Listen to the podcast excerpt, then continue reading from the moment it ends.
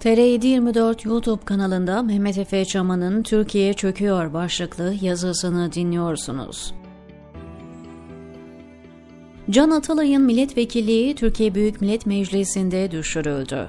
Muhakeme yetisi olmayan, rasyonel aklını kullanmayı öğrenememiş, mantıklı düşünemeyen, olaylar arasında neden-sonuç ilişkisi kuramayan çok geniş kitlelerin varlığı, meclisteki oturumun önemli bölümlerini değişik duygular içerisinde izledim. İlk gözüme çarpan kaos.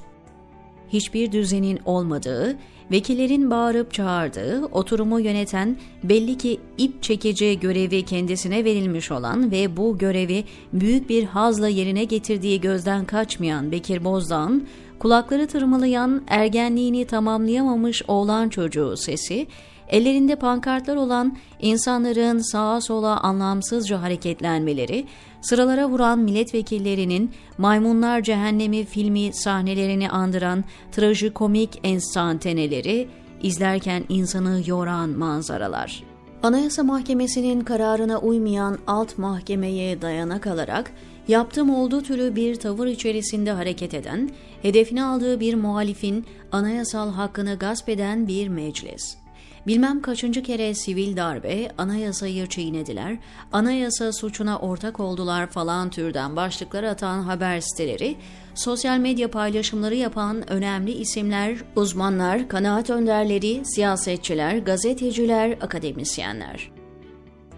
Dibe vuruş, sabit olan bir dibe doğru düyek istikamette ilerleyen yani batan bir cismin analojisidir. Bu analojide dip sabittir ve belli derinlikte bir deniz vardır. Cisim bu derin suda batmaktadır, yani dibe doğru ağır çekim yaklaşmaktadır. Dibe vuruş, cismin dibe ulaşmasıyla gerçekleşir. Ancak mesele şu ki Türkiye örneğinde tekil bir dibe vuruş yok. Türkiye batıyor ve her bir kallavi batış deneyimiyle beraber ülkenin dibe vurduğu söyleniyor. Fakat belli bir süre sonra başka bir olay yaşanıyor ve bu kez bir öncekinden de daha kötü bir batış olduğu ileri sürülüyor. Fizik kurallarına aykırı bir durum ortaya çıkıyor çünkü bu kez de ülkenin dibe vurduğundan bahsediliyor. Kimse de çıkıp e kardeşim hani ülke bir önceki olayda dibe vurmuştu demiyor her seferinde yeniden dibe vurmak adeta doğal bir olaymış gibi insanlar bıkmadan usanmadan yeniden dibe vuruş yazıları yazıyor, sosyal medya paylaşımları yapıyor, televizyon ve YouTube ekranlarında yorumlar yapıyor. Ben bu tablo karşısında şu sonuca varıyorum.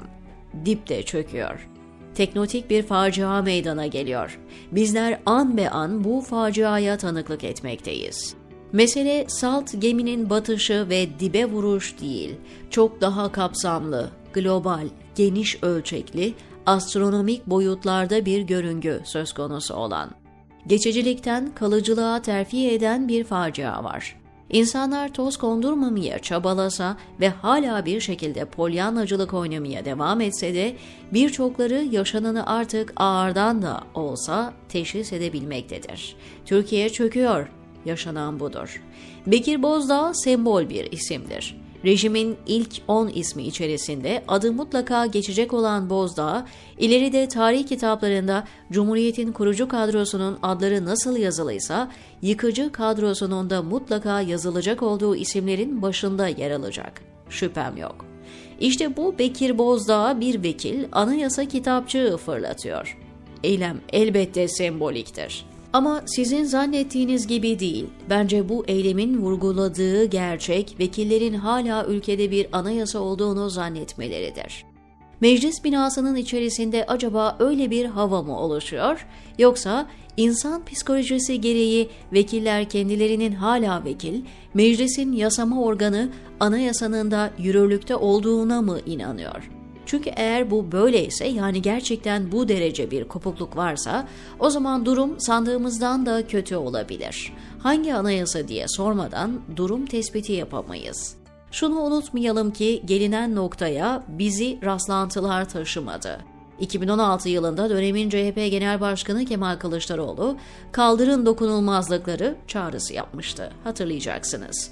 AKP bunun üzerine harekete geçti. CHP'nin de desteğiyle milletvekilliği dokunulmazlığı konusunda haklarında fezleke bulunan vekillerin dokunulmazlıklarının kaldırılması uygulamasına geçildi. Bunun için anayasanın 83. maddesi değiştirildi. Bunu CHP desteği olmadan yapamazlardı ki. İşte o bakımdan CHP'de AKP'de bu işi beraber inşa ettiler. Hatta öyle ki meclisteki ilk oylamada CHP içerisinde ulusalcı kanat dışında olan birçok vekil anayasa değişikliği aleyhine oy kullandılar ve verilen firelerden sonra değişikliğin referanduma götürüleceği konuşulmaya başlandı. Bu arada Kılıçdaroğlu CHP hakkında terör destekçisi şeklinde bir algı oluşmasın diye grubunu baskı altına aldı ve ikinci turda muratlarına erdiler. Her iki parti de esasında bu demokrasi katliamının kime karşı yapıldığını pekala biliyordu. Hedefte ülkenin esas sol hareketi haline gelen ve kitleselleşme eğilimine girmiş bulunan Kürt siyasi hareketi ve onun sembol ismi Selahattin Demirtaş vardı. Erdoğan o günlerde Ekim 2014 Kobane eylemlerinin sorumlusu olarak Selahattin Demirtaş'ı hedef gösteriyordu. Yeni ortak Avrasyacı derin devlet tanrılardan kurban istemişti. Kürt meselesine siyasi çözüm konusunu siyasetin en temel köşe taşlarından biri yapmış olan Erdoğan, 17 Aralık 2013 suçüstü vakası sonrası paçayı kurtarmak için bu değerli kartı kullanmaya karar vermişti. Kürt siyasi hareketine yönelik pozisyon değişikliği böylece Erdoğan Derin Devlet İttifakı'nın kolonlarından biri olmuştu. Şimdi yaşananlar o dönem meydana gelen teknotik hareketin artçı şoklarıdır. Demokrasi ve insan haklarıyla sorunu bulunan iktidar, demokrasi ve insan haklarıyla sorunu bulunan ana muhalefetle el birliği içerisinde Türkiye'yi çöküşe götürecek yolun taşlarını döşediler. Elbette saymakla bitmeyecek başka merhaleler de var bu yolda. Aynı Kürt siyasi hareketi gibi Gülen hareketinin de ipini beraber çektiler. Derin devlet güdümünde bir iktidar ve muhalefetle siyasete yeni bir tasarım, toplumsal temelde sosyolojik boyutlarda bir mühendislik yapıldı. Böylece ana muhalefet CHP 17 Aralık 2013 yolsuzluk dosyasının kapatılmasına, suçların gerçek ve ispatlı olduğunu bildiği halde razı oldu. Diğer bir muhalefet MHP Erdoğan'a siyasi can simidi oldu ve rejimin inşasında bil fiil etkin rol oynadı. Bu sayede rejimin diskurunun halk bazında %90'lar oranında net bir biçimde kabul görmesi sağlandı. Yasama organını böylelikle tümüyle siyasi baskılara açık bir hale soktular. Bu haliyle Türkiye 1215 tarihli Magna Carta Libertatum İngiltere'sinden bile geri durumdadır. Özgür siyaset bağlamında. Bu memleketin insanının tabiatında özgürlük yok.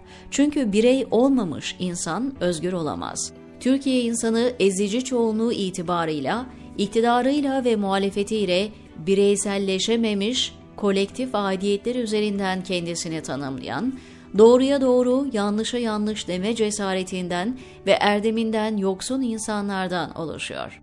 Eleştirinin olmadığı yerde demokrasi yeşeremez.